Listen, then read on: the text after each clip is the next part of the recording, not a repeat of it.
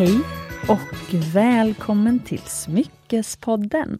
Det här är podden där vi pratar om äkta smycken och ädelstenar på ett enkelt sätt och bryter normer som präglat en annars ganska strikt bransch. Och idag ska jag faktiskt inleda med att läsa upp ett meddelande som vi fått från en av er lyssnare. Väldigt spännande och det gjorde faktiskt att vi nu kommer att ha ett helt tema idag om det här. Så, hon skriver så här. Hej! Jag lyssnar regelbundet på din podd med stort intresse. Har lärt mig så sjukt mycket av att både höra dig och gästerna prata om sina områden. Själv är jag så mycket skata som min ekonomi tillåter och lite till. Haha! Har dumpat ett gäng ringar hos Peter Stensliparen för omgörning efter att ha lyssnat på det avsnittet exempelvis. Men genom din podd tycker jag att jag har utvecklat min egen smak gällande smycken.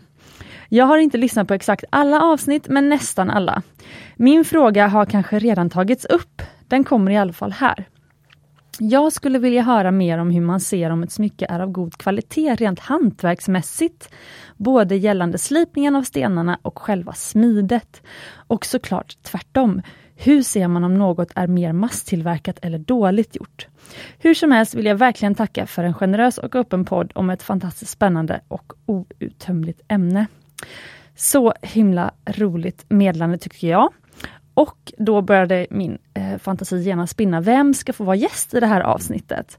Och sen tänkte jag på en kvinna som har varit här, eh, som har väldigt stor kunskap om äkta smycken, som är till och med född in i branschen.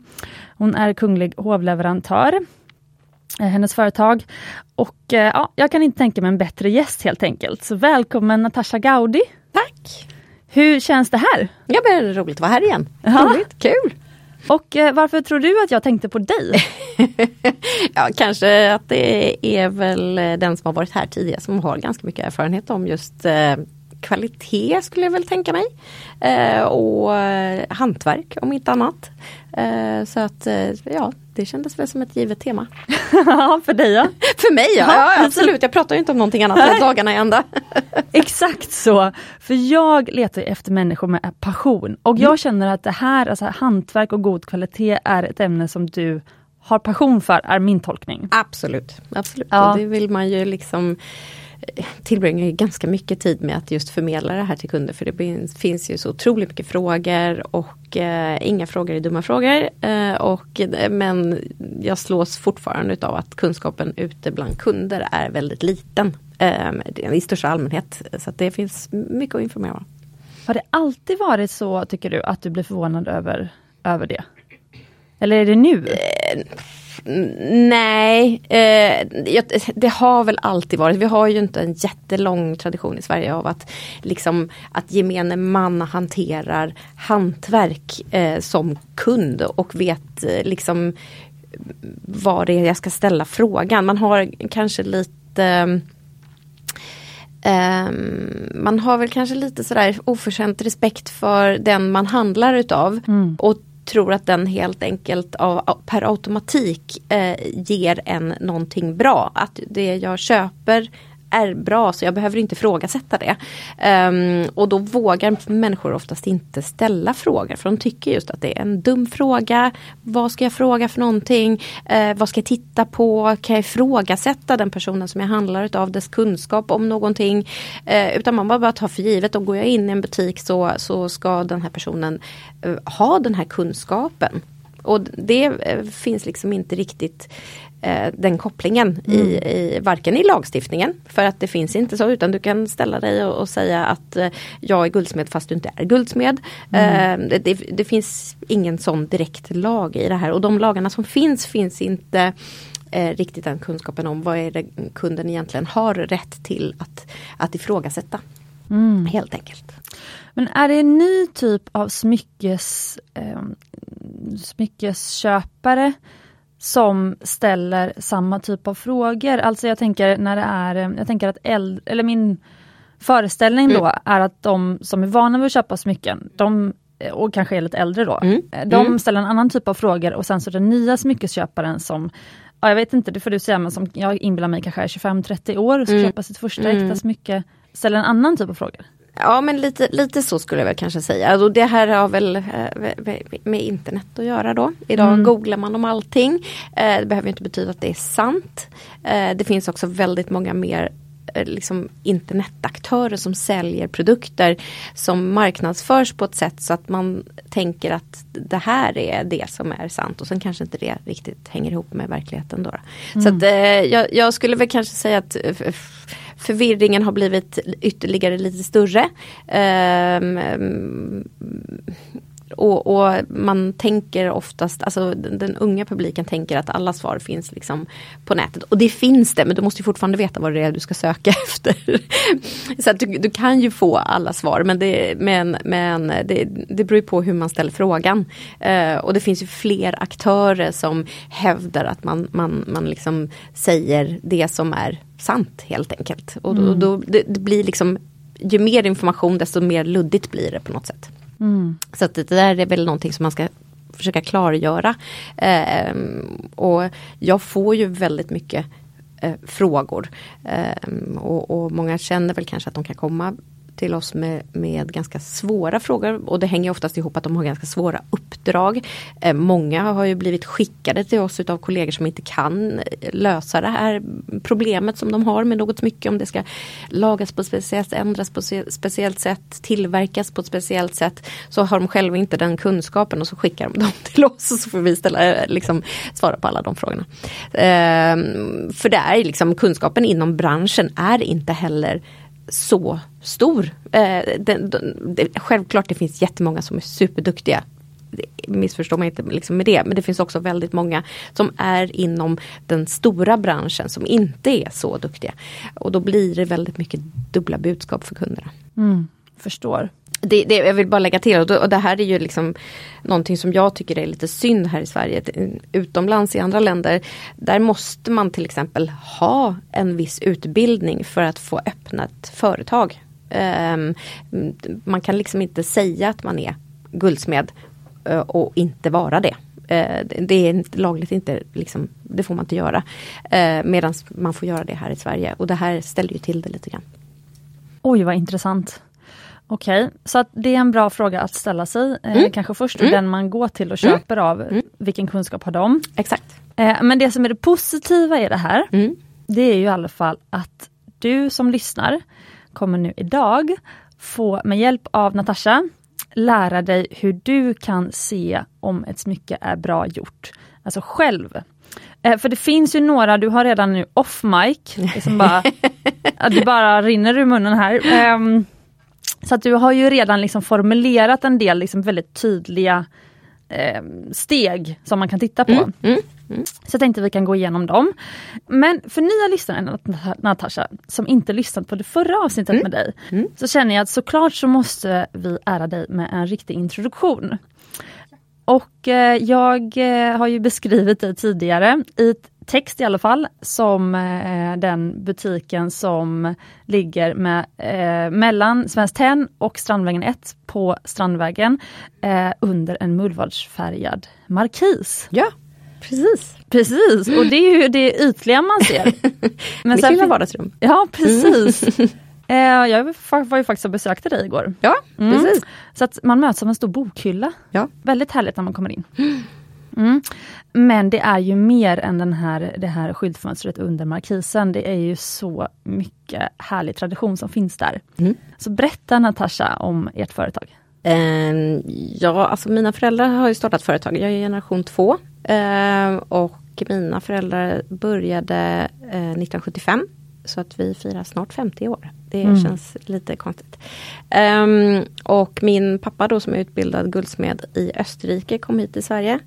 Um, och han startade företaget tillsammans med min mamma för att han insåg att han var en väldigt duktig hantverkare men däremot inte så duktig företagsdrivare. Eh, det är ju väldigt mycket annat som krävs för att man ska kunna driva ett företag, inte bara att man är duktig hantverkare. Så de teamade upp och och eh, mamma utbildade sig sen till gemolog och diamantgraderare också. Eh, som gjorde det som en, en, en, kompletterande del av företaget. Och sen dess har de, eh, de började faktiskt med att göra kollektioner till andra företag mm. på början på 70-talet. Eh, men kom ganska snabbt in på att det var väldigt tråkigt att göra massfabrikation och det var inte det som min pappa var utbildad till heller, eh, eller som han ville göra från början utan det här var ju liksom en, hur ska man få någonting att rulla? Um, och uh, sen blev det ju helt enkelt att de gjorde mer och mer bara stycktillverkning. Och det är ju det som vi fortfarande gör idag. Uh, och 85 så öppnade vi butiken på Strandvägen då. Um, så där har vi varit snart i 40 år. Mm. Uh, och vad vi då skiljer oss ifrån från kanske de flesta är ju att vi är ganska storskaliga eftersom vi har allting in-house, vill säga egna guldsmeder, egenfattare um, på plats. Så kan vi då styra hela produktionen själva och vad vi inte gör är ju just ingen serieproduktion alls. Och vi heller inte gjuter någonting. Mm. Utan vi gör ju då handtillverkat eh, till, ja, eh, till allra största delen om inte kunden verkligen vill ha någonting. Det här har ju hänt att vi har gjort en serieproduktion för en familj till exempel som vill ha en serieproduktion. Och då kan det se, liksom, det är klart att vi kan göra det. Men det är inte det vad vi eh, specialiserar oss på utan vi jobbar med det klassiska hantverket på ett klassiskt sätt. Och eh, vi vill ju framförallt visa att det går att göra så mycket som ska hålla i generationer. Eh, ett, mer ett, ett tidlöst hantverk och då behöver det vara utav en väldigt god och hög kvalitet. Och det här är ju så häftigt och för dig som lyssnar som inte är så insatt i äkta smyckestillverkning så kan jag säga att det som eh, Natasha berättar om nu är väldigt ovanligt och eh, det är ju lätt att tro när man kommer utifrån att det är så alla guldsmeder och, och så som man ser jobbar. Eller alla smyckestillverkare om man säger så. Ja men mm. även jag tänker de här, jag kallar det guldsmederna på hörnet. Mm. Mm. De här eh, som finns i alla städer mm. så, mm. eh, och som man kan gå in till och få hjälp hos. Väldigt mycket av det du ser hos dem, alltså du som lyssnar, är ju halvfabricerat på olika sätt. Eh, alltså till exempel som att en, en pizzeria ofta får ju färdigriven ost och färdig skinka och så. Sen, sen så eh, sätter man ihop pizzan på pizzerian. Och så funkar det också hos många guldsmeder. Så man mm. kanske, mm, det är prefabricerade fattningar och som man sen då laddar ihop på ringskenet. Så det är mm. liksom, man, man sätter ihop smyckena där. Mm. Och delvis kan man också köpa helt färdiga smycken som man sen kan sälja i sin, i sin guldsmedja. Och det positiva med det är att man kan få ner priset. Eh, så att det finns ett större, större utbud att välja på. Men jag vill bara säga det här då eftersom att det som Natasha eh, pratar om och det som ni jobbar med är ju verkligen att ni smider varenda fattning, varenda fattningsdel, varenda ring för hand och det är väldigt ovanligt idag. Mm. Och det märks säkert på priset. Men, eh, men så vet ni det i alla fall ni som lyssnar att mm. det är så häftigt att det är som bredd i det här hantverket. Mm. mm. Mm. Och det är väl det som man ska skilja då egentligen. Det är väl, eh, vi, vi nämnde det lite grann i vår förra podd också, som vi pratade om att man eh, man pratar väldigt gärna inom den stora branschen om handtillverkat och det är frågan om vad är handtillverkat? Ja, precis så, eh, och jag motsätter mig lite grann att man använder det uttrycket för sånt som inte är handsmitt eller mm. handtillverkat. Eh, att de, alla delarna är styckgjorda helt enkelt. Eh, gjutet för mig är inte handtillverkat. Och, och, men det där är ju någonting som används väldigt brett i branschen. Mm. Att det är det. Mm. Att där, där, där, liksom där skiljer vi oss åt liksom hur vi ser för de inte, om inte det vad vi gör är handtillverkat eh, det, liksom, det, hur ska vi skilja de två sakerna åt helt enkelt. Och, och det, det, är lite klurigt och det är väldigt klurigt för kunden att veta vad det är jag ska, vad, vad, ska jag titta på, vad är det jag ska fråga efter. Mycket av det här syns kanske inte på ytan eh, hur själva tillverkningssättet går ut. Utan där måste ju så att säga säljaren tala om för kunden. Men om man ställer frågan hur är det här gjort? Och använder då en, den som gör liksom eh, gjuter och massfabricerar eh, ordet handtillverkat. Då blir det ju liksom, vi använder samma ord och då blir det ju väldigt svårt för kunden att veta vad som är vad. Precis så. Mm. Eh, nej men jag är med dig på ditt spår. Mm. Eh, så jag, jag håller med om att eh, gjutet, då kan man kalla det, det är fortfarande, på, på engelska kallar det crafted. Alltså Mm. gjutet i Sverige Ja, ja. kan det vara till Mm, exempel. absolut. Och att det ändå är, det är ju en hand... Jag tycker att det krävs duktig handpåläggning för att finishera gjutningar också. Så det är Absolut. så. Mm. Men sen tänkte jag också på det här med, eh, jag vet inte om jag behöver säga det, men att det här med pizzerian. Exemplet var för att påvisa skillnaden mellan till exempel stenugnsbakade pizzor som kanske kostar 200 och en annan pizza som kostar 100 kronor. Och Det finns en plats för båda, bara där, så där är det väldigt tydligt, man förstår ju varför det är olika priser. Mm. Så, så att det var det. Man vill inte trampa någon på tårna här. Nej, nej, nej, gud nej. Absolut inte. Det är två Ja. olika nischer och jag, Ja, tycker, precis. jag tycker bara det är viktigt att när kunden handlar att den förstår vad den handlar för någonting. Och Ja, det, bästa, det bästa sättet är ju eh, att ifrågasätta den, vad man, eh, den som man handlar utav, att den ska förklara vad det är för produkt man köper. För det kan vara ganska svårt för en konsument i sig att se det. det frågan som ställdes i, i eh, som du fick var ju liksom, eh, hur kan jag som konsument se det? Väldigt svårt ibland. Det finns vissa saker som man kan absolut titta på som konsument. Men i största delen så handlar det om att ifrå, alltså, fråga den som säljer någonting till dig. Helt enkelt. Vad, vad, hur är det här tillverkat? Vad menar ni när ni säger handtillverkat? Hur är det här gjort? Var är det gjort någonstans? Vilka är det som är tillverkat det här? Precis. att var, var ligger kunskapen någonstans? Och den, den makten har man ju som kund naturligtvis att, att ifrågasätta. Och, precis, man ska använda den. Absolut, makten. ja gud ja. Precis det det finns inga dumma frågor. Exakt så. Det där var väl en jättefin brygga över till huvuddelen. Så är du redo Natasha att nu utbilda alla oss i hur man ser att ett smycke är av bra Ja, kvalitet? ja, det är jag. Härligt! Mm.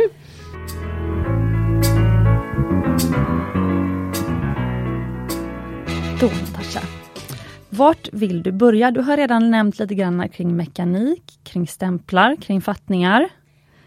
Eh, Jag skulle nog faktiskt vilja lyfta stämplingen först. Jättebra, då För att jag tycker där. att den är väldigt, väldigt tydlig. Ehm, vi har en ganska lång stämpeltradition i Sverige. Mm. Uh, förr i tiden så var allting tvunget att kontrollstämplas kallades det för. De som är kanske lite äldre känner till någonting som kallades då för kattfot, det är tre kronor. Ehm, det var ju för att man skulle kunna härleda och verkligen vara säker på att det som såldes som guld var guld. Och då hade vi en statlig kontrollstämpel som allting var tvungen att stämplas med. Eh, så man gick liksom till Statens provningsanstalt och så fick man då eh, allting. De kontrollerade att det var den produktionen som man sa att det skulle vara. Och så satte man en kontrollstämpel och så alla smycken som hade då en som kallad kattfot, en tre kronors stämpel. Och var det tillverkat i Sverige så såg den ut, liksom var den som lite rund och fan, eh, var det importerat material så sattes den här tre kronor i en oval stämpel. Det här eh, s- eh, tog man ju bort. Ja, för Eh, Alltså det precis. finns fortfarande kvar. Man kan få, man kan gå till eh, Statens provningsanstalt och stämpla det här igen. Eh, Men i och med EU så har vi liksom EU-anpassat lite grann att det här ska, att det ska finnas liksom en tvingad del. Så runt 2000 så finns det en ny lagstiftning som man kan läsa eh, om på nätet. Som är ehm, att det ska finnas andra typer av stämplar som då ska kunna ge kunderna en säkerhet på att det faktiskt är det vad det är. Eh, och i, det är en ganska lång eh, lagtext som eh, man kan eh, gräva sig in i. Men kortfattat så kan man ju säga så här att allting i Sverige som säljs ska vara stämplat. Så vi kan ju börja med där. Har smyckena som man köper en stämpel? Och då kan man titta på framförallt det som är det viktigaste är ju att det ska finnas två saker i det här. Det är någonting som kallas då en ansvarsstämpel. Den kan se lite olika ut beroende på om det är någonting som är tillverkat utomlands eller om det är tillverkat här i Sverige. Här i Sverige så finns det då en ansvarsstämpel och det är ju en ansvarsstämpel som är registrerad eh, på tillverkaren. Um, vi har GAU, en förkortning utav vårt namn, den är registrerad um, uh, på en stämpelmyndighet. Eller de är akkrediterade som en stämpelmyndighet.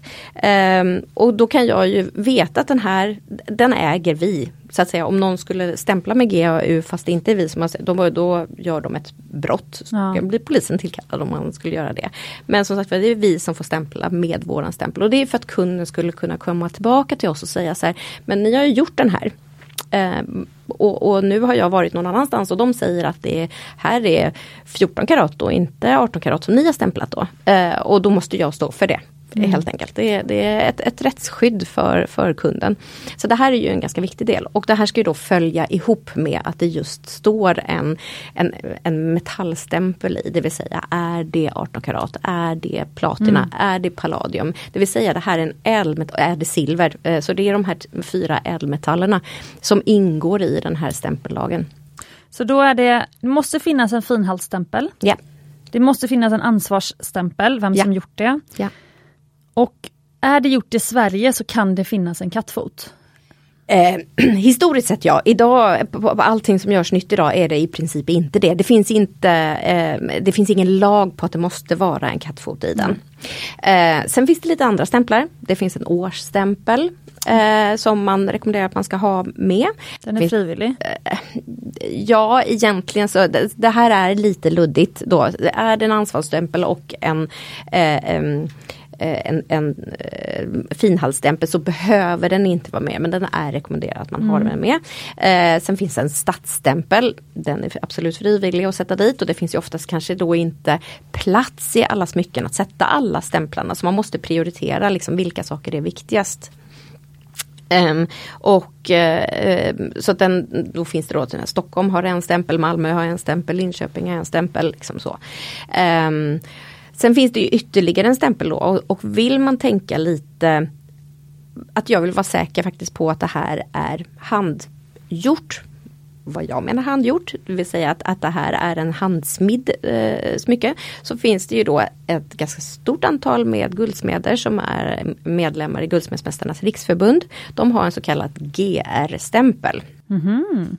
Eh, den stämpeln eh, får man bara sätta in om man dels är medlem i Guldsmedsmästarnas riksförbund och om smycket är handtillverkat. Mm. Den får inte sättas in i en gjutning till exempel.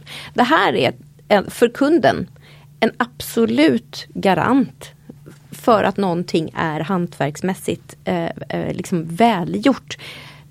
Det behöver per automatik naturligtvis inte eh, det, det, att, att en guldsmedsmästare som har den här stämpeln inte kan göra ett misstag det kan alla göra. Men det är absolut en garant för ett, ett, eh, ett högkvalitativt hantverksmässigt utfört arbete. Mm. Så att det här är ju de här sakerna som är ganska tydliga och det är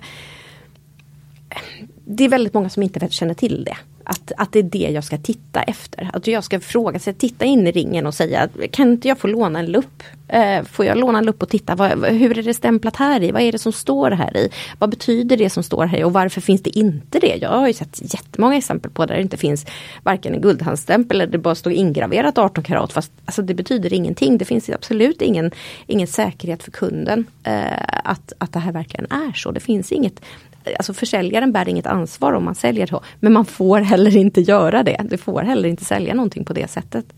Så att det här är ju någonting som kunden verkligen kan ifrågasätta som är väldigt, väldigt tydligt. Mm. Och som jag tycker att man borde göra om man handlar. Jättebra. Men om man då tänker, för jag tänker att den här lyssnaren och mm. många mm. av er som lyssnar, att ni letar smycken kanske på auktion och på mm. second hand-marknaden. Och när jag själv gör det, mm. då är det ju väldigt sällan som det finns en ansvarsstämpel. Mm. Utan det finns bara ofta en finhaltsstämpel till exempel. Mm. Mm. Är det då rätt att tolka det som att det är gjort utomlands? Kan vara. Behöver inte vara kan lika gärna vara att det är någon som har inte stämplat rätt här. Och det, det betyder ingenting. Alltså, okay. Vissa utländska stämplar, um, alltså, vi säger nu Europa för bara för att hålla oss lite i närområdet då, då har eh, andra stämpeltraditioner. Eh, I England har man ganska liksom skarpa regler för hur det här ska stämplas. Även i Tyskland finns det det. Eh, men de är inte riktigt så uttalade som det är i Sverige.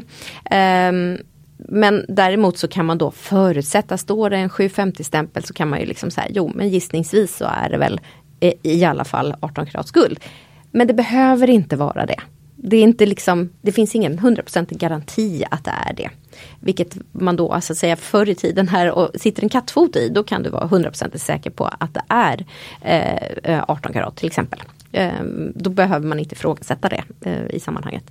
Men eftersom vi ingår ju i en bransch och det måste man alltid ha lite grann i bakhuvudet. Vi ingår ju i en bransch där det handlar oftast om väldigt mycket pengar. Eh, guld är dyrt, platina är dyrt, diamanter och ädelstenar är dyra. Eh, och så fort det handlar om någonting som kan generera väldigt mycket pengar så finns det också väldigt många som kanske vill utnyttja det här på ett sätt där man faktiskt luras. Mm. Um, så att en, en, bara en 18 karat stämpel i sig utan någonting annat betyder ingenting. Egentligen. Så att eh, där så kanske man måste vara lite tydligare. Har, har då, om du går på ett auktionsverk, jo det är klart att de är ju ganska duktiga på att verkligen kolla sina saker. Har de någonting som de känner att oh, det här var en konstig stämpel, det här tror vi inte riktigt på. Då kommer de ju göra ett stryktest på, på materialet, att det verkligen, för de vill inte heller sälja någonting som är eh, stämplat med 18 karat fast det inte är det. Såklart inte, de hänger ut sitt namn i auktionsvärlden då på att göra det här. Men köper du någonting på Blocket? Ja, det eh, finns inga garantier. Det finns liksom ingen, ingen som du kan gå tillbaka och liksom gnälla på sen efteråt. Du, det här var inte guld. Och det finns inga garantier om det inte finns liksom just de här stämplarna som ska, vara, ska sitta i det. Och jag har ju mött, eh, alltså jag har ju mött, mött folk som har kommit med saker och ting och sagt liksom, åh jag köpte det här hos någon icke nämnbar. Och, och han sa att det, det behövdes inga stämplar i det här. Och, och då säger jag, jo, det finns det lag på att det faktiskt behövs. Så att du kan traska tillbaka och tala om för honom att det absolut ska vara så. Då får man ju ifrågasätta liksom vad det är för något material. Och det här är ju då grunden, det här säger ju ingenting om själva kvalitet på arbetet eller på stenar som sitter i, utan här handlar ju egentligen i grunden bara om själva ädelmetallhanteringen. Men om lyssnaren ska vara trygg med stämplarna. Mm. Vilka stämplar ska då finnas tycker du om vi liksom ska liksom avsluta med ett en, gott en, råd? Ett gott råd. I, all, i minsta fall en ansvarsstämpel mm. och en eh, karathalsstämpel. Mm, de två. Mm. Ja. Bra. Och så kan vi gå vidare med mekaniken. Det var det första du nämnde när jag kom i morse. Teknik och mekanik, ja. ja innan, mm, just, jag mm. kallar det mekanik, du kallar ja, det teknik. teknik, teknik ehm, ja. Eh, det var det första du nämnde innan vi satte mm. på mickarna. Mm. Eh, och så började du visa här bland annat på ditt armband som du har med mm. dig. Eh, berätta. Um, det här är lite grann en, en utifrån den synvinkeln är vad är, det, vad är det vi får in mest? Vad är det vi eh, vad är det människor har mest problem med? Mm. Eh, och då kommer vi ju in då som eh, reparatörer, vill säga att vi ska laga någonting. Och där kan vi, vi ofta se att eh, och, och, var problemen ligger och de ligger ju redan i produktionsledet då, då som sen säljs. Och då tog jag ju med liksom det här, det som har varit en jättestor grej de senaste par åren. Tennisarmband är stort tillbaka igen. Jag trodde aldrig att det skulle slå igen så hårt som det har gjort. Um, och det säljs ju nu i alla möjliga olika kanaler och alla möjliga olika metaller och utföranden. Um, och det är en ganska stor huggsexa på vad det gäller eh, prissättning. Um, och det säljs till ganska låga priser. Mm, och så. Och då är det ju, vad är det man drar ner på i produktionsled när mm. man ska göra någonting. Eh, som alltid eh, när man ska dra ner och få ett billigare pris, mängden metall. Eh, och mängden metall gör att du har eh, sämre hållbarhet, alltid Eh, så. Det finns liksom en gräns till hur, långt, hur länge håller någonting. Eh, och visst, man kan se det som att eh, jag köper någonting, det är billigt, det håller så här länge och sen är det bra med det. Men jag tror att framförallt om, man, om konsumenter köper bijouterier eller enklare saker som inte, då förväntar man sig inte en lång hållbarhet. Men köper man någonting som faktiskt är i guld så är det väldigt många som förväntar sig att det här faktiskt också ska hålla. Um, men det gör det ju inte. Och då är det just eh, tennisarmband är ju ett typiskt sånt exempel att man eh, gör enkla kopplingar eh, som inte håller och väldigt tunna kopplingar, mellanfattningar. Och tennisarmband är ju liksom eh, den klassiska liksom, tunna chartongfattningar som hålls samman med någon typ av rörelse. Alltså vi, det kan vara ett gångjärn, ett charner. Eh, och, är, och drar man ner materialet till jättetunt, tunt, tunt, tunt, tunt så säger det i sig själv att nej det kommer inte att hålla. Eh, det kommer inte att hålla länge helt enkelt. Och armband är ju också det som slits allra mest utav allting. Det slits mer än ringar. Och det är för att det åker fram och tillbaka, fram och tillbaka, fram och tillbaka. Sen har man jättegärna flera armband ihop. Eh, man har det gärna ihop med klockan också. Eh, och då blir det ett enormt slitage. Så att vi får ju in väldigt mycket liksom, eh, kunder som, som har fått eh, eller köpt eh, tennisarmband som inte håller helt enkelt. Och då blir det ju liksom en fråga där, ja men eh, man har ju ändå lagt ner, det är ju inte liksom, bara för att man har gjort någonting billigt brukar det inte vara gratis. Eh, och det är fortfarande riktigt material fast det håller liksom inte i eh, i själva produktionen för att man har gjort en sån enkel och billig produktion. Och där, där tycker jag att det är ett, ett, ett liksom problem som man eh, kanske är väldigt svårt för kunden att, att ifrågasätta. Men jag brukar säga som man alltid, man får vad man betalar för. ja, precis, alltså, jag tänker att utmaningen med tennisarmband också, liksom, om jag föreställer mig det är att, för tennisarmband är ett sånt armband som i princip ser likadant ut skulle man kunna säga. Skulle man kunna säga. Eh, att det ser mm. likadant ut mm. oavsett vem som gör det. Mm. Kanske lite skillnad i låsen men de mm. allra flesta har ju dessutom vanliga sådana kistlås där mm. man liksom har mm. stenarna över så att det verkligen ska se ut bara som den här floden av diamanter som det är. Och när det är ett sånt så att säga generiskt smycke, då tänker jag att det blir extra populärt på auktion. För mm. varför ska man köpa det nytt när man lika mm. gärna kan köpa då mm. ett gammalt skilsmässo tennisarmband, mm. vem vet. Mm. Men, eh, Men då är det ju också ett problem för då är det ju redan någon som har använt det. Ja, så du, har ju liksom, du får ju ett alltså, då får du ju ett som redan har använts och eftersom armband är det som slits hårdast så är det ju liksom, du är redan inne på skalan där. Sen kan du ju ha tur och hitta något som eh, jag fick av min man, sen skilde vi oss en vecka senare och, och det åkte in i lådan och sen är det säljs det. Liksom. Men då måste du veta vad du ska titta på. För, ja men jätteintressant för jag kan dra en parallell till mm. en ganska känd pavering nu som mm. också många vill mm. ha. Mm. Eh, och de här slags paveringarna kommer ofta ut på, eh, alltså, på Kaplans också mm. till exempel. Mm. Mm. Men då kan det också stå så här, ah, en del fattningar är slitna och mm. liksom att det mm. står det. Mm. Och då skulle jag ge ett gott råd till en vän fast hon själv var väldigt smyckesintresserad så hon, det var med att vi bollade så. Ja. Och så frågade jag sen, hur gick det, köpte du den här ringen? Och så sa hon liksom att nej, alltså den kostar ju ändå in, alltså 75% av nypris. Då kan man nästan lika gärna köpa en ny. Där det inte är slitna fattningar. Ja. Så. För att det också blir så att hamnar du i det läget där stenar helt plötsligt börjar hoppa ut ja. och eh, du ska börja laga.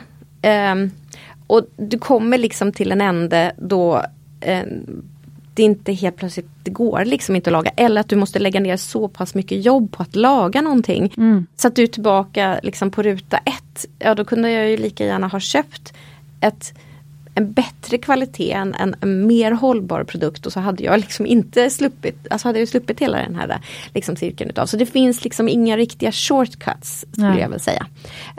Um, och, och, självklart vill man ha tennisarmband och inte betala för mycket men då får man ju vara beredd på att det då kanske inte håller så länge. För vad är då din rekommendation om vi ska ge ett liksom råd till den som lyssnar och inte är så insatt i tennisarmband men man kanske vet att man Gå runt. Älskar det? Ja absolut. Gå runt och titta.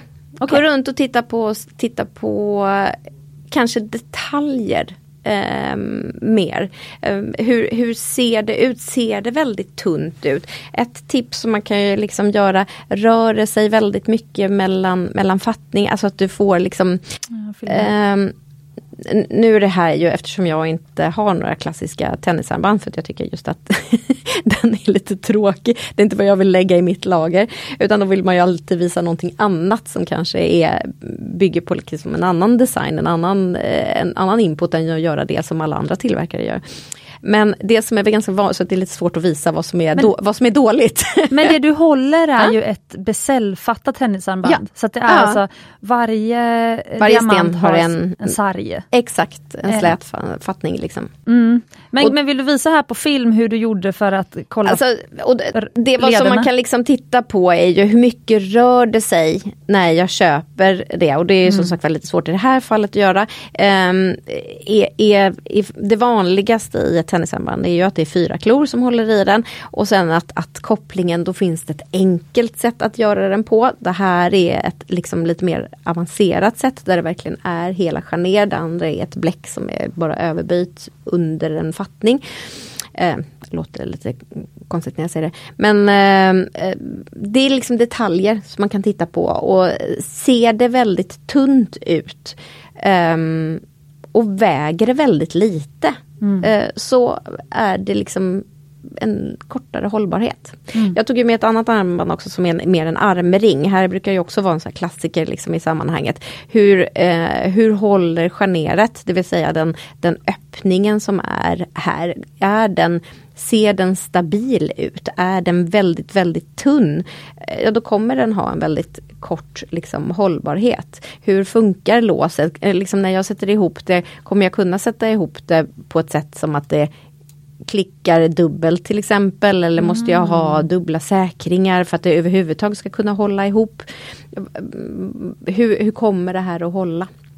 Jätteintressant och jag har egen erfarenhet för när jag precis innan, några månader innan jag startade mitt smyckesmärke faktiskt, då hade jag varit på Sri Lanka. Mm. Och eh, där blev jag helt kär i de här alla vackra ädelstenarna. Mm. Eh, och då köpte jag just ett sånt armband som du nu har ehm, eh, visat upp här. Alltså det var, jag vet inte vad den, men det är som en, en stick, eh, en pinne som ska klicka i mm. I en, en håla, alltså det är ju en, eh, en hona det, är ett liksom. ja, det är ett vanligt instickslås egentligen. Ja, fast det, är gjort, det är som ett kistlås som är samma som det här fast det är konstruerat på en armring istället. Ja och på mm. äkta Gaudevi så är det ju rejält. Ja. Men så samma funktion i alla fall var det här silverarmbandet mm. med en eh, blå topas och mm. en där vit, inte diamant men det var säkert en kubik zirkonia. Mm. Och jag tyckte det var så vackert det här armbandet. Och jag kan inte ha det längre. Mm. Alltså, det, eller jag kunde, det var ju ganska snabbt som jag inte längre kunde bära det för mm. det öppnade sig mm. av sig själv. Mm. Mm. Och det är ju, det har inte högviktiga armbandet och jag, jag kan känna hur plastigt det känns. Ja. Fastän att det då såldes i en juvelerarbutik på Sri Lanka som ett äkta eh, smycke. Liksom så. Ja, det, alltså, det är inte, det, det, där kommer man ju in i det här, det handlar ju inte om att det inte är äkta metall eller Nej. inte är äkta stenar. Men är inte tekniken eller mekaniken gjord på ett hållbart sätt så kommer det liksom inte heller hålla. Då, mm. då får du en väldigt kortsiktig eh, liksom användningsområde liksom på det här. Så det, kommer, det kommer gå sönder fort. Eh, och då får man ju ta det beslutet att ja men det är okej. Okay. Precis. För det kostade inte så mycket för mig. Eh, så att då har jag hellre det en kort tid. Men jag ser ju det när kunder kommer till mig och, och, och eh, menar, jag pratar med mina kunder och hon hade fått ett Just ett tennisarmband, tillbaka till det. Eh, alltså vi har säkert, eh, det har gått av ja, vi är väl inne på femte omgången att den är tillbaka till oss. Och går alltid sönder på nya ställen och jag har sagt till henne det här är ingenting som du kommer kunna använda till vardags.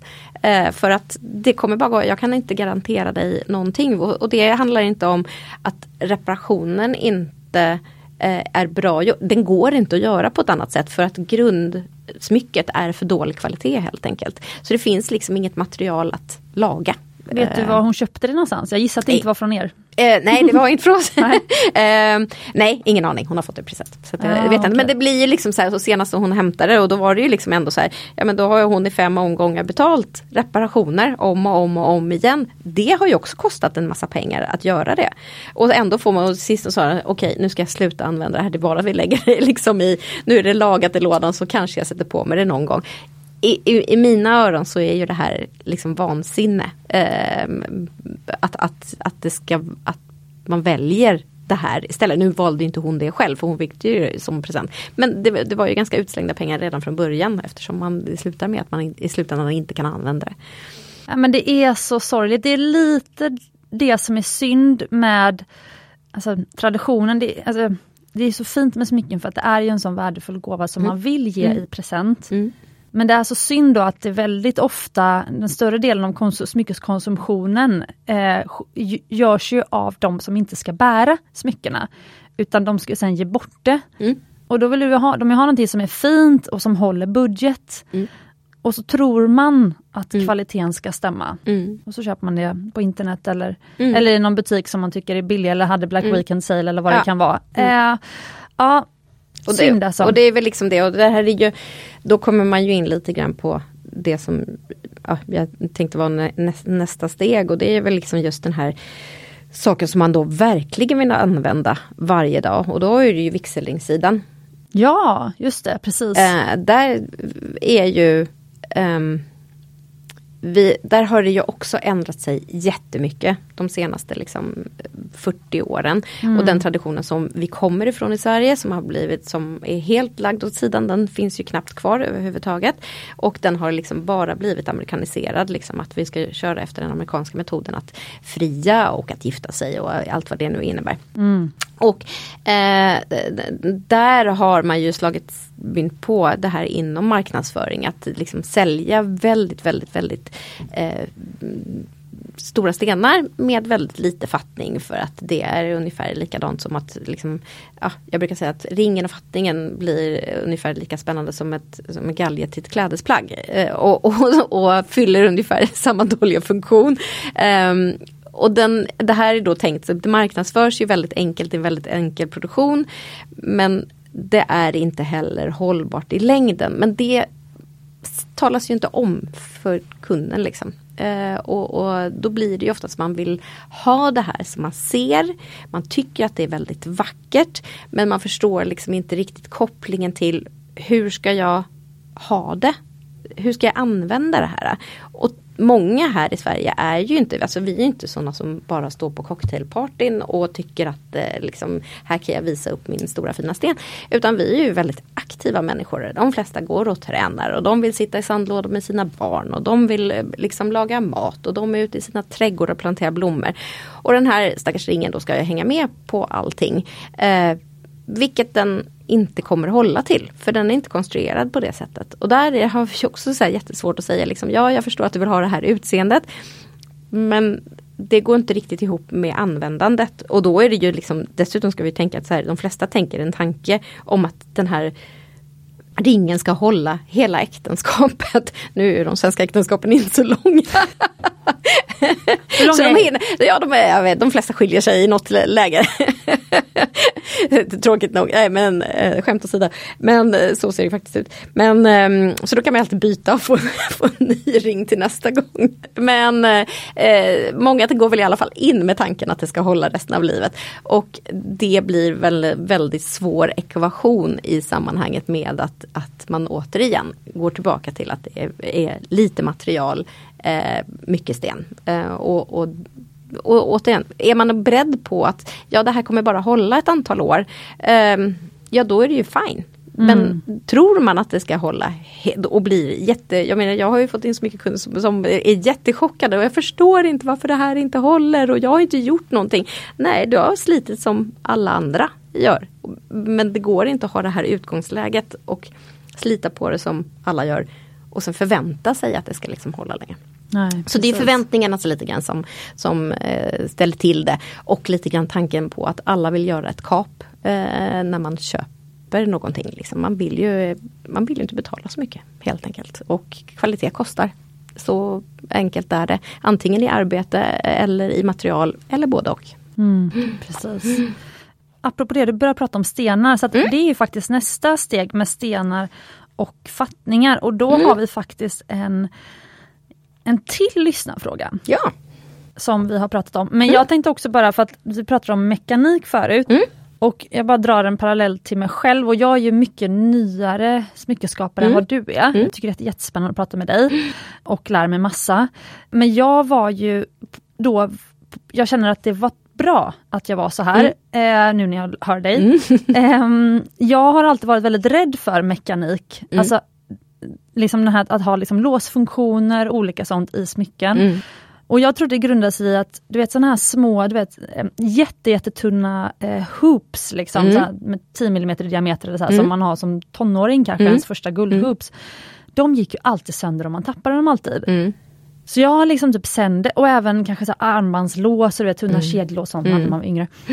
Eh, så när jag började göra så armringar och sånt, mm. då, jag har faktiskt på mig ett nu, alltså mina är ju nästan bara en armring med liksom en mm, öppning. en öppning ja. Och eh, då är det viktigt att de är verkligen i rätt storlek så att de mm. sitter då som gjutna på handen. Mm men, och jag älskar dem, men vi säljer väldigt få kan jag erkänna. Mm. Mm. För att, och jag har haft de här armringarna, det finns en, till exempel en som heter Bellcuff, ni kan kolla på hemsidan, eh, bara om ni vill ha en, en, bild över hur det ser ut. Ja, på Mumbai Stockholms hemsida då, för en nya lyssnare. Eh, men eh, de armringarna säljer väldigt lite av, mm. kan jag erkänna, mm. för att de allra flesta tycker att det känns otryggt. Yeah. Och då kan jag nästan känna, men att hålla på med lås och sånt, mm. eh, och som man ska till exempel om man då inte vill sova med sina smycken. Mm. För Det har vi också lärt oss av mm. Eh, Lasse Guldsmed på Drottninggatan. Mm. eh, att han säger att, eh, att sova med smyckena sänker deras eh hållbarhet med 50% Håller du med om det?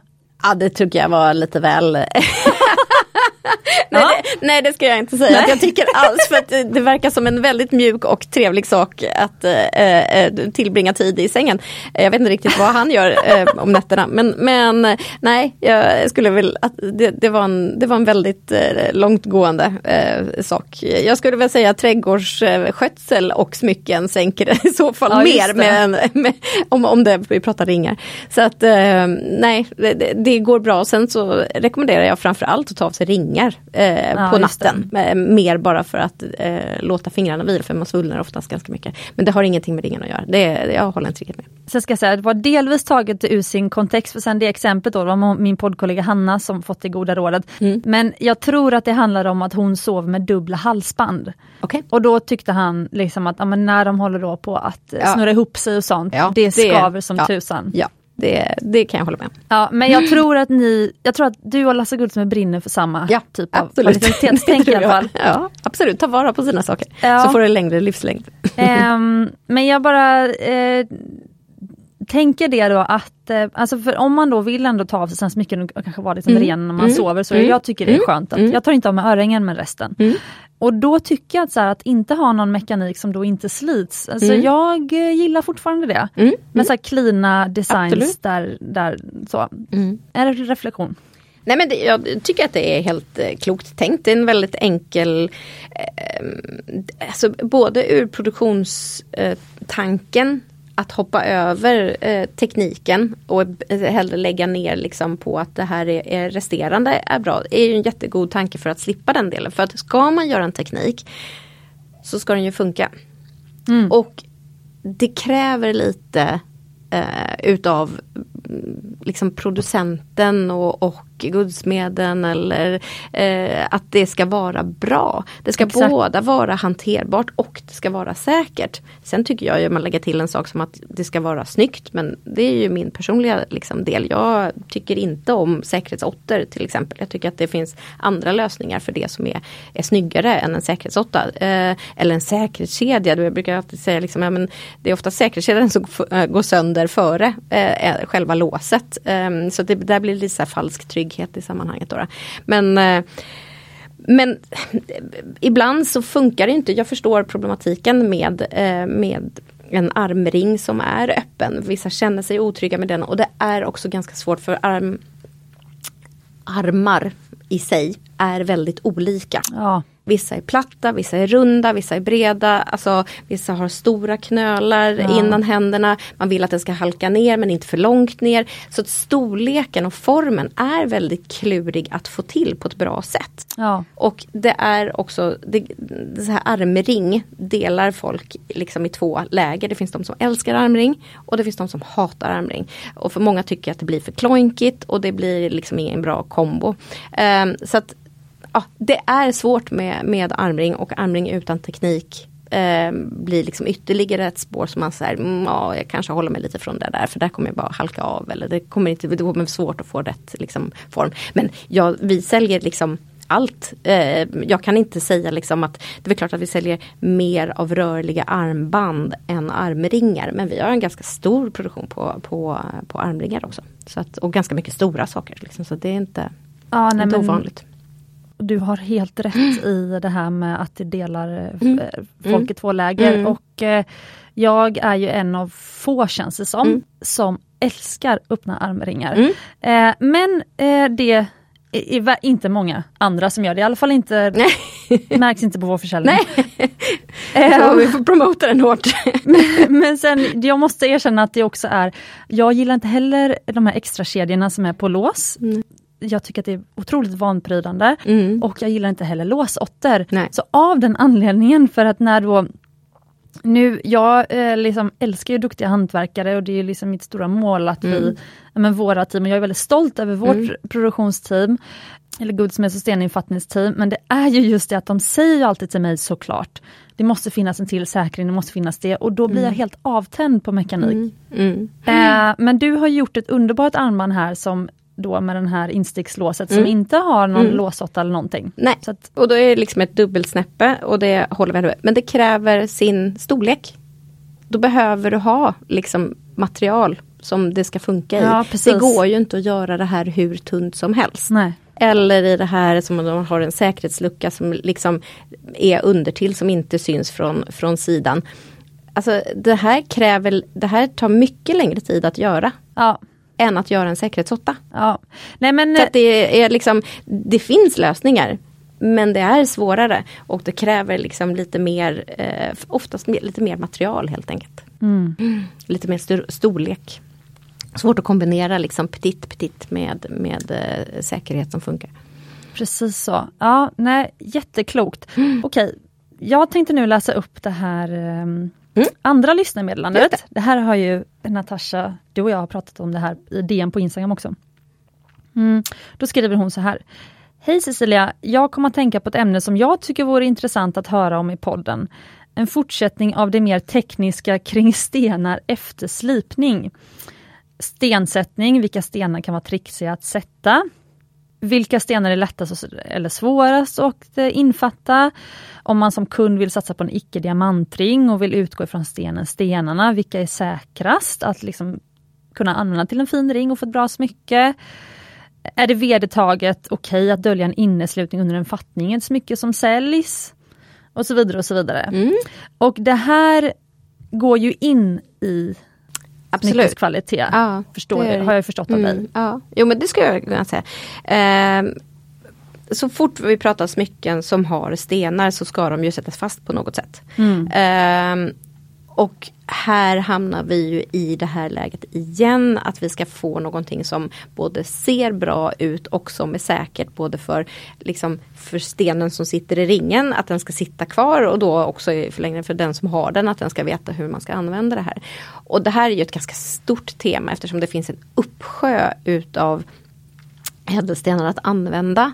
Eh, alltså allt ifrån liksom opaler som är superkänsliga, smaragder som också är, har eh, en känslighet till skillnad ifrån akvamariner trots att det egentligen är samma mineral. Eh, eh, till diamanter och sen finns det ju massa olika fattningstyper eh, som du kallar beställfattning eller en slät infattning eller kloinfattning, eh, en pavéinfattning, en kanalinfattning och så vidare. Så det här är ju ett otroligt brett tema eh, som alltså som finns i massor med olika delar. Så att man måste ju tänka lite på jag tycker som konsument så ska man ju i första hand naturligtvis, det här ska ju vara glädjefyllt att göra. Och att man måste ju utgå ifrån vad tycker jag är vackert. Um, och då ska man ju välja utifrån det till en första hand. Sen måste man ju fundera, hur vill jag använda det här?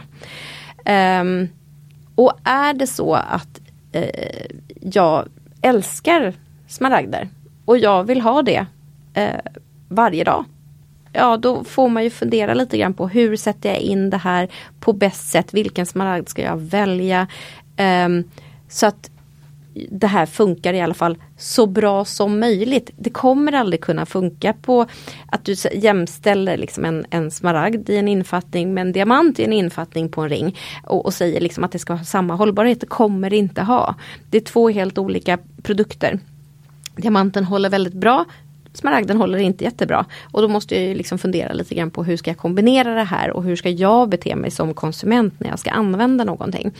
Eh, så att det här är ju de, de delarna som är är liksom viktigt att, eh, att att tänka på när man ska bestämma sig för ett smycke. I, I slutändan så måste man ju eh, ha det som man tycker liksom är snyggt och pryder mig på det sätt som jag vill. Men och där kanske jag då istället ska tänka på hur ska jag använda det. I, i, i den här tanken då. Men kan det vara så? Mm. Nu, jag har inte ställt frågan. Mm. Jag vet inte om jag vågar. Men, men jag förstår ju att eh, min typ av smyckesdesign. Mm. Alltså jag kommer från det här att jag gillar minimalism på petit och det ska vara Mm. Jag vill ju nästan attrahera den som tidigare inte ens tyckte om smycken. Mm. Alltså det har alltid varit, för jag själv var en sån Mm. eh, innan. Så mina smycken är ju antagligen sådana som du blir helt avskräckt av. kan jag tänka mig. Nej, egentligen inte alls. E- Egentligen inte. alls. Det, det handlar mer om, om, eh, för du vill gå in på att du är väldigt petit och, och gärna stackar och allting så. Och, och jag tycker att det är fine, det är helt okej. Men vad har man förväntningar på? Vad har kunden för förväntningar på att det ska hålla? Ja precis. Det, det, är bara, det är det enda. Går man in i det här i rätt, med rätt tanke att ja men jag köper det här, det är fine. Alltså kunder får göra för 17 om de vill. Men att de får rätt förväntningar till det här kommer ha en kortare livslängd. Då köper jag det, då är det en, en, en, det är en win-win för alla. Du får göra det som du tycker är snyggt och kunden förstår att ja, men det här är på det här sättet kommer att slitas men jag är okej med det. Då har man ju liksom, då har ni ju gått ingått liksom en affärsuppgörelse som, där alla är nöjda. Där alla förstår liksom förutsättningarna. Ja. Och det tycker jag är viktigt. Precis, sen så erbjuder vi livstidsgaranti Ja. på alla våra smycken, jag ska inte säga det.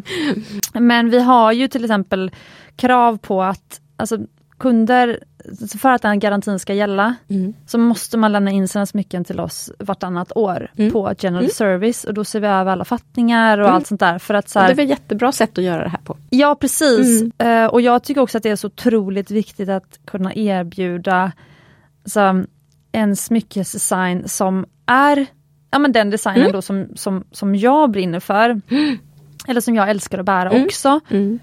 Men att, att liksom det ska vara det ska, det, det ska vara på livstid och Mm. ännu längre då. Men, Mm. men då krävs det ju Mm. att man underhåller Ja. än om det så att säga bara är till exempel våra herringar. Mm. De kommer ju hålla för en jordbävning. Mm. De behöver man ju aldrig lämna in på general service om man inte möjligtvis vill putsa till det. Ja exakt. Alltså så här, men så fort det är stenar eller eh, alltså färgädelstenar, Mm. till exempel safirer, turmaliner, Mm. eh, topaser och så vidare. Eller att det är diamanter med Mm. klofattningar. Mm. måste man ju Mm. kolla över klofattningarna. Absolut. Och det här blir ju liksom jättekonstigt för att Ja. alltså, du kan inte ge en livstidsgaranti på en smaragd. Nej nej precis, Alltså, nej, nej. Det, det, det, går, det går inte, det kan inte jag heller. Det spelar ingen roll hur jag fattar in det, jag kan inte ge det en, ändå. För att det är, det, vi säljer ju trots allt bruksföremål. Det måste vi ändå ta med oss. Det kommer inte vara eh, Alltså det finns inga bruksföremål som håller i generationer utan att det liksom händer någonting mer. Om, om du ska använda dem, ja om du lägger in dem i kassaskåpet så kommer de ju hålla. Men det är ju bruksföremål. Du kan ju inte säga till, till en, en, en kund att din smaragd kommer hålla forever om du ska använda den varje dag. Eh, Nej. Nej, sannolikheten att den gör det är inte, är inte jättestor. nej, nej, nej. Men vi eh, har nästan aldrig sålt smaragdsmycken Nej. av den, av den anledningen Av den faktiskt. anledningen, ja. Ehm, men sen så är det ju ändå, alltså, många som är, det är ju det som är roligt med duktiga kunder eller Mm. kompetenta, Mm. alltså när, när man är väl påläst. Mm. För då kan de ju önska en specialbeställning, men de vet ju precis om då vad som är smaragdens. Mm. Alltså, så då kan man ju ha en väldigt så här, eh, rätt fram kommunikation med dem. Absolut. Och det är väl det som är det viktigaste egentligen, är att man ska ha en rättfram kommunikation, att det ska kunna få ställa de här frågorna. Och jag efterfrågar ju alltid det, att kunder ska ställa fler frågor. Ja men alltså vi hade till och med en, eh, ett eternity band alltså, som är så här tunt med Mm. smaragder. Mm. Men till och med showroomet gick ju de sönder. Mm. Alltså så att så här, en smaragd föll ur liksom. Mm. Och då är det ju inte klorna som har gått sönder, guldklorna, utan då är det faktiskt stenen. Ja. Eh, vilket ju är ganska ovanligt. Alltså med diamanter till exempel, Mm. då är det oftast Mm. klorna som Mm. sönder. Men i alla fall, så till slut så var det så här, vi höjer priset och så säger vi att det ingår att de två första stenarna som kunden tappar, Mm. eh, de eh, liksom, då ingår vi, eller det ingår att vi Ja, lagar det ut. så. Men Mm. det är ju inte en så kul produkt att sälja. Nej det är ingen rolig produkt. Eh, ja, men Mm. det var ju kommunikationsmässigt så funkar det ju. Mm. För då förstod folk verkligen så här, okej, det till och med ingår liksom att Ja. man får sätta dit Ja. här. Ja. Ja. Men det jag vill komma till i alla fall, för nu har jag satt på mig då din underbara jättefeta ring här. Det är en guldring som är, den är väl 14 millimeter diameter eller någonting som tjockast. Bred, ja. Ja, ja precis Mm. som bred. Och sen så är det en, eh, kan det vara en granat? Nej. Hjärt- Va? Mm. Okej, det är en hjärtslipad granatröd citrin. Mm. Eh, och sen så är det en halo, en di- diamanthalo av eh, diamanter runt. Mm. Och allt det här är ju liksom inskjutet, alltså infällt i eh, ringen, så det är en väldigt Mm. platt ring. Så. Mm. Mm. Och då börjar jag känna så här att det samtidigt, att den är så otroligt rejäl, Mm. Kan ju inge en falsk trygghet hos kunden. Alltså att så här, ja, men då, gör, då kan jag ju på mig den här vad jag än gör för att stenen är ju så väl skyddad. Mm. Alltså jag tänker, för nu jämför jag med en, en klusterring som jag har på mig som Mm. jag älskar. Mm. Men den har jag ju Alltså den har ju redan fått en slipa eh, Mm. såklart, Mm. eh, eller en flisa. Eh, Mm. för att jag är ju väldigt oförsiktig och eh, bär mina smycken hela tiden. Och den har ju fått en flisa för att den är så öppen liksom, Mm. i, eh, i fattningen. Mm. Det är ingenting man ser utan lupp, eller jag, Nej. jag, jag Nej. Mm. gör inte det i alla fall. Eh, och inget som stör mig och, eh, och så vidare. Men jag bara tänker i att den här stenen, man kan ju få en spricka. Absolut. Eller flisa, Ja, du vet gud, ja. uppifrån. Alltså att det Självfallet. kan ju inge en falsk trygghet. För de nätta smyckena kanske man förstår att man behöver vara rädd om. Mm. För, eller förstår du? Absolut, absolut. Det, är, alltså, det gör ju ingen skill- Det är ju ett utseende man är ute efter i, i första hand. Det är ju inte så att man inte um, um, kan göra nätt och det är inte så att man inte kan göra stort. Uh, man gillar ju olika saker. Um, men och, och det får du ett slag på en sten rakt uppifrån, det spelar ingen roll hur du har satt in den. Den kommer ju liksom Ja, den kommer ju gå sönder i alla fall. Så Ja, eller få en repa Ja, ja, om ja. man- om ja, man- ja, ja, gud ja. Så Ja. det har ingen eh, Det har liksom ingen betydelse i sig. Utan det här är ju liksom frågan om hur vill man göra det. Men det här är ju också Den här tog jag nästan eh, med på grund av ett annat sätt. För det görs ju väldigt mycket som är ihåligt. Mm. Ehm, det här handlar lite mer om, om guldarbetet i Gud, nu sig. det. Gud vad fin insida. Ehm, och då är det ju liksom, hade man gjort den här eh, massiv, vilket man också hade kunnat göra, så hade den ju naturligtvis vägt väldigt mycket mer. Eh, blivit mycket, mycket tyngre. Den, hade, den väger ju nu, runt, skulle jag gissa mig, runt en 20 kanske, 22, 25. Eh, och hade den varit massiv så hade den vägt 45 och det är ju en ganska stor skillnad. Då. Eh, och det görs ju en hel del de, här bomberingarna som är liksom uppbyggda på det här sättet. Men väldigt många också görs väldigt, väldigt tunna. Så att då har du ju ett annat eh, problem i sammanhanget då. Det är själva guldet som du då får bucklor i om du gör den för tunn. Ja men, men där måste jag, eller förlåt avbryta Mm, nej, nej, nej. För där måste jag säga att när jag ser, alltså jag hade ju hundra gånger hellre köpt den här ringen från Mm, er. mm. Som du kallar den urgröpt, men jag måste, jag måste säga, det är alltså en massiv guldring. Den här, vi är fortfarande kvar vid den här stora liksom, eh, eh, breda ringen med, med citrinen. Urgröpningen är alltså olika små liksom, pepparkakshjärtan känns det som. Så man har tagit ur guld, guld genom att liksom göra avtryck av, av, av hjärtan inuti ringen. De, de ringarna som ofta finns second hand, Mm. alltså som gjordes för många år sedan, Mm. de är ju ofta bara som ett skal. Mm. Mm. Och då känner jag så här, hellre köpa en bra massiv, alltså Mm. jag kallar den här för massiv. Ja. Den är Och det är det väger jag ju menar, bra man- mycket. Absolut. Och hade, men som sagt hade man gjort den riktigt massiv då hade den ju varit väldigt väldigt tung och då kanske man inte ens tycker att den är Nej. bekväm att bära. Men ska man göra den ihålig och den ska hålla då måste det fortfarande vara ett gods som håller för slag och eh, Ja. användning. Liksom. Ehm, så att det, det är ju Och de blir den delen mycket också. skönare. Mycket skönare att använda. För många av Mm. de här också gamla smyckena då, tycker jag Mm. inte ens blir sköna. De Nej, känns nästan vassa. inuti. Ja det blir liksom bast och lite kantigt. Okej, men mer på fattningar. Vi måste snart börja runda av. Ja. Men eh, du pratar om vad är vackert och hur vill vi använda det. Mm. Men om man då har hittat en vacker som man, för jag tänker att den här lyssnaren då Mm. har hittat en, en vackra ädelstensringar som hon vill investera i. Och så undrar hon nu, men hur ska jag veta om det är ett högkvalitativt smycke eller inte? Mm. Ehm, Alltså det här beror ju på då om man köper det second hand. Mm. Eller om man köper det i butik. Eh, I butik så ska man ju liksom alltid eh, rådfråga och se liksom är är det gjort på ett sätt så att det här kommer hålla? Hur kommer det här hålla? Kommer jag kunna använda den här till vardags eller eh, ja, lite så. Och vad är det för sten som sitter i och vad, vad tål den till exempel? Och hur ska jag sköta om den här? Lite som, som ni också vill säga att kunderna ska komma tillbaka och titta på. Så. Köper man någonting second hand eh, och då beror det ju lite grann på vad man vill med den här second hand-ringen.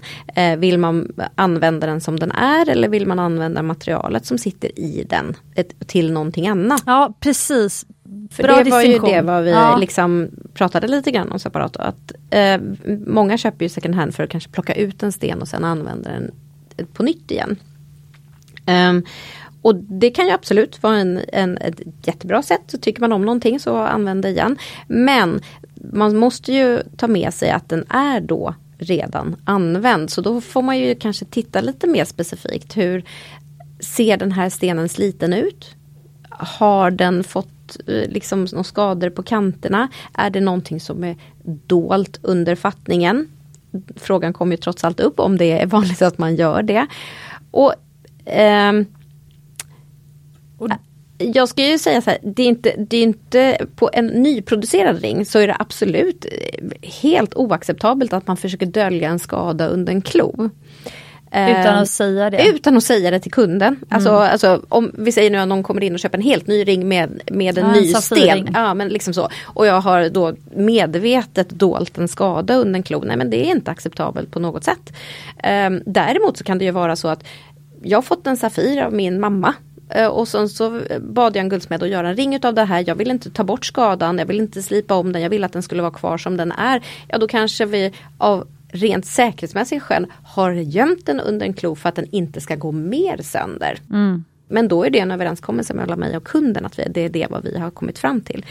Och det här är ju sådana då bakgrundshistorier som man inte riktigt vet om man köper vintage liksom, och ska omarbeta det här lite senare. Och det, så då kan det ju dyka upp skador eh, när man plockar ut någonting till exempel.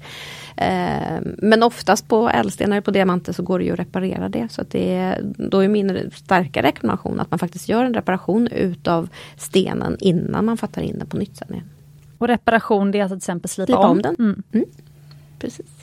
Och det var ju det Peter gjorde, ni som är nyfikna på det så har vi ett avsnitt med Peter Delarholm som är stenslipare mm. på Nytorget i Stockholm. Så det är så himla roligt att vi faktiskt har det här mm. hantverket mm. centralt mm. här hos oss. Ja, jättebra.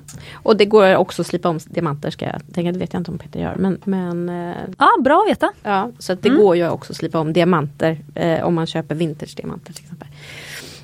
Det, jag tror inte att Peter gör det. det. Nej, men, det är liksom eh, lite egen nisch.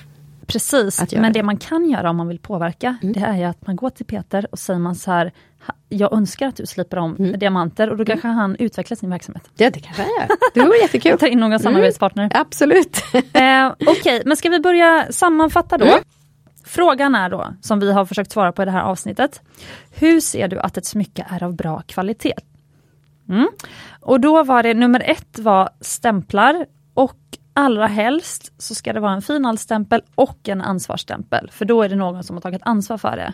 Men, eh, rätta mig om jag har fel, nu Natasha, eh, men ansvarsstämpeln finns nästan enbart på svensktillverkade smycken. Eh, ja och nej. Alltså man måste som försäljare så måste du ha, även om den är stämplad utomlands, så måste du kunna så att säga verifiera att det stämmer som försäljare. Liksom. Så det kan vara produktion som är gjord utomlands och du säljer det här men du måste verifiera det då. Det går att göra på lite olika sätt och man kan läsa lite om det, hur det går att göra. Men den svenska ansvarsstämpel är ju för de som, saker som är tillverkade i Sverige. Men man kan även stämpla om saker och ting som är tillverkade utomlands. Ja men jag tänker om man till exempel då går till Kaplans eller Bukowskis ja. och köper ja. second hand. Mm. Då räcker det att leta efter finhaltsstämpeln för att veta, de säljer ju ingenting med 18K-stämpel som inte är 18K. Eh, nej, det skulle nej. jag förutsätta att de inte gör. Men, eh. men nej.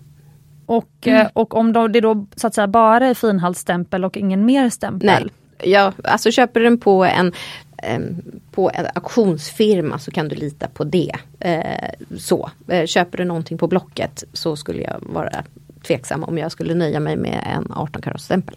Ja. inte en ansvarsstämpel också. Men det kan jag också bekräfta utan att hänga ut något varumärke. Men det finns ju ett, ett företag som eh, vår branschorganisation nu liksom har jagat i flera mm. år faktiskt. För mm. att de säljer 18Ks eh, smycken, alltså mm. de, det är stämplat det. Mm. Men det är inte 18K, det är Nej. bara förgyllt. Mm. Så det är inte mm. så litt. Nej. Så att, och det här eh, blir ju lite problematiskt också vill jag bara lägga till på många företag som säljer just förgyllda smycken när de skriver guld bara i texten. De skriver in, sen tittar man liksom detaljerat så står det ju att det är förgyllt. Liksom. Men det, det, blir ju liksom lite fel i marknadsföringen tycker jag när man går ut och skriver liksom eh, så guldkedja. Eh, och det är klart att väldigt många kan bli liksom lurade lite grann utav det. Jag kan tycka att det är problematiskt. Mm. Eh, men då kanske det här med stämplar också hör ihop med att för att veta att det är mycket bra kvalitet, eh, då är det absolut säkrast att köpa via en auktoriserad liksom, guld och eh, välkänt eh, smyckeshus eller smyckesvarumärke. Ja. Som, mm. Mm. Bra, eh, där man kan lita på att stämplarna stämmer. Absolut. Och jag vill ändå framhäva också för att de eh, tycker att det är viktigt med Guldsmedsmästarnas riksförbund som också så att säga har en egen nisch och är det stämplat med deras så har de en garant som, för, som eh, förening att det verkligen är det som det är eh, i det. Ihop, alltså Guldsmedsmästarnas riksförbund och en 18 karat stämpel eh, räknas lika starkt som förr i tiden kontrollstämpel. Okej. Mm. Vad är kontrollstämpeln? Det är den här kattfoten. Ja okej, okay, det är det du mm. kallar det. Mm. Ja. Bra. Mm. Ja, kattfoten är rolig. Ja just det. Jättebra att du nämnde den för att i gamla smycken också, mm. Mm. då är det väldigt roligt. Alltså, då, det är ju så du vet mm. också att ett smycke är gjort i Sverige för det finns kattfot. Ja. Um, just det, jättebra. Två var teknik. Mm. Och då var din huvudrekommendation, om jag tolkar det rätt, att uh, det ska vara rejält med gods, alltså material. Mm. Och mm. om det känns väldigt tunt och är väldigt lätt så kommer antagligen inte mekaniken hålla så länge. Nej. Mm. Jämför. Jämför, precis. Ja, så gå till Gaudi först och sen... Nej, det finns massor med olika eh, i Sverige men jämför. Och, eh, det, det, finns liksom Det finns en anledning till varför saker och ting kostar olika. Mm. Helt enkelt. Eh, och nummer tre, fattningar och stenar. Och då eh, vill du att man ska ställa sig frågan, vad är vackert och hur vill jag använda det? Finns det någon fattning du tycker är no-go till exempel? Nej, egentligen inte. Allting är frågan om hur, hur det liksom är gjort. Um, det, det, det, det, blir tokigt med stora exklusiva stenar med nästintill ingen fattning. Eh, där kommer det bli problematiskt eh, och där har det ju så pass stora konsekvenser. Vi pratar inte om en liten 1,5 mm smaragd som hoppar ut. Eh, liksom, det, det, är ingen peng. Men har du köpt en diamant för 300 000 och du sätter in den i en ring med 0,6 mm, fyra stycken 0,6 mm klor. Alltså det kommer inte hålla. Det går knappt att sätta in den liksom så att det håller. Så det, det, det är väl en no-go då, om man ska säga någonting. Mm. Och sen så vill jag ändå tillägga att att till exempel jag älskar, alltså det som är anledningen till att jag blev kär i smycken är faktiskt när jag var i Indien och Sri mm. Lanka och så och mm. blev kär i de här olika ädelstenarna. Mm. Och när jag sen började designa smycken, jag har ju älskat den här klassiska cocktailringen som jag såg, mm. men det är typ mm. som en för mig var det då som en solitär mm. med en um, färgsten i istället för en diamant. Men mm. det är ju klofattat då. Mm. Och då ser man ju väldigt mycket av stenen underifrån och från olika sidor och det blir liksom mer som ett galler ja. runt ja. stenen. Men det är ju självklart, det lämnar ju stenen mer utsatt än om det då är en täckt sargfattning där ja. man bara ser ovansidan av stenen. Mm. Så att där är ju en sån, vad tycker jag är vackert? Och också hur vill jag använda det? Det är liksom, det, är det det boils down to liksom i slutändan. Vad, hur vill jag använda mitt smycke? Och där måste man bara ha en öppen dialog med den som man går till. Eh, och, och, säga. Och då får den får man ju se vad man får för svar. Eh, och, och, tycker, har man en som säger liksom att du har jättelite material men säger att men det här är inga problem att använda. Liksom. Det går att ha på det dygnet runt. Ja, då kanske man ska gå och fråga någon annanstans och eh, se om man får samma svar där. Precis. Mm. Och sen så, vill du lägga till någonting i det här? Hmm. Det beror ju lite grann på vad det är för typ utav eh, smycken. Eh, vi satt och fingrade lite grann på de här örhängena till exempel och egentligen anledningen varför jag tog med mig dem är ju just för att Och de, de är har så ju vackra. eh, De har ju väldigt då, alltså till skillnad, vi tar helt, två helt olika liksom saker. Det ena har ju väldigt väldigt väldigt lite fattning och väldigt, väldigt mycket fattning. Så. Och då kan man ju säga, det beror ju på vad man har dem på sig någonstans. Det här Exakt. slits ingenting. Det här kan du ha på dig i två generationer, det kommer inte hända lyfter, någonting. nu lyfter du örhänget. Ja, Som jag misstänker att om det hade varit som en ring så hade du sagt att det hade slitits. ja Mm. korrekt. Ja. Så det, det här är ju, man, man får man får titta lite grann på, återigen, eh, hur ska saker och ting användas och var ska det användas? Och hur slits saker på olika sätt? Återigen, armband slits allra mest.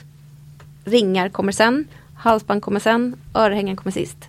Så att det, det är väl lite så som man ska liksom tänka när man, eh, tycker jag. Eh, att liksom, hur, hur ska jag, var ska jag lägga eh, kvaliteten och materialet och, och krutet på. Liksom. Och nu är det ju väldigt många som har väldigt mycket armband och väldigt mycket ringar.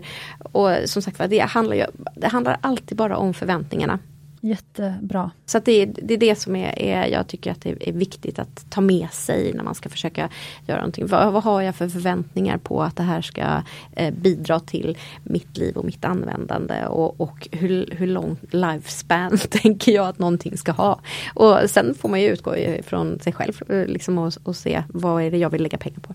Jättebra tips. Och om jag får avsluta med eh, det tipset jag vill ge. Hur ser du att ett smycke är av bra kvalitet? Så är det den typen av kommunikation och konversation som du har med den som säljer smycket ger också väldigt bra hintar av hur bra kvalitet som smycket är. Har du en bra kommunikation och dialog med den eh, försäljaren eller tillverkaren om hur länge smycket kan hålla, eh, om stenarna, alltså har den personen mycket kunskap Mm så indikerar det på att smycket som du sen köper av den personen kommer vara väl anpassat för dig och dina behov. Och har den personen också förmågan att säga nej till till exempel dina idéer. Mm. Senast igår fick jag rekommendera en kund att inte ha ett så tunt ringband till en väldigt stor diamant som den, eller väldigt stor, det var en 0,70 karat diamant som den ville ha. Och eh, om personen som det handlar om har förmåga att säga nej och rekommendera till något annat och så vidare och inte bara liksom mm, vad ska jag säga, vilja gå till mötes till varje pris, så kan det också vara en bra indikation. Absolut, det tycker jag. För det är liksom är, det är på, det är på svaren på dina frågor som du kan avgöra om du kan ha en, en fullt ärlig och öppen dialog Mm, som gör att du känner dig trygg i ditt köp helt enkelt. Mm. Så eh, tänk på vem du handlar av. Okej Natasha, tack så jättemycket för att du kom hit. Men så roligt att vara här igen. Mm, det var verkligen ett spännande ämne att eh, prata med dig om tycker jag. Ja, jag vill ge ett sista tips. Ja, bra! Är ni jätteintresserade, investera i en lupp. Ta med er till affären, titta i luppen vad, eh, hur ni tycker att saker och ting ser ut och eh, fråga när ni själva ser det. Ni kan Underbart. lära er att titta i den. Jättebra och Natasha har alltså en mässingslupp, väldigt Ja, vacker. Ja. Mässingsliknande. Och du som har lyssnat, eh, tusen tack för att du har varit med oss idag. Eh, du får jättegärna ställa följdfrågor och om du vill kontakta Natasha så kan du göra det på Instagram, Ja. Gaudi Stockholm. Ja. Eh, du kan gå till butiken Ja. på Strandvägen 3. Jajamensan. Mm. Och eh, jag rekommenderar dig verkligen att göra det och se alla de här härliga stycktillverkade smyckena som Gaudi har gjort. Med de orden mm. så önskar vi er en härlig fredag och glöm inte att du är värd äkta smycken och ädla stenar.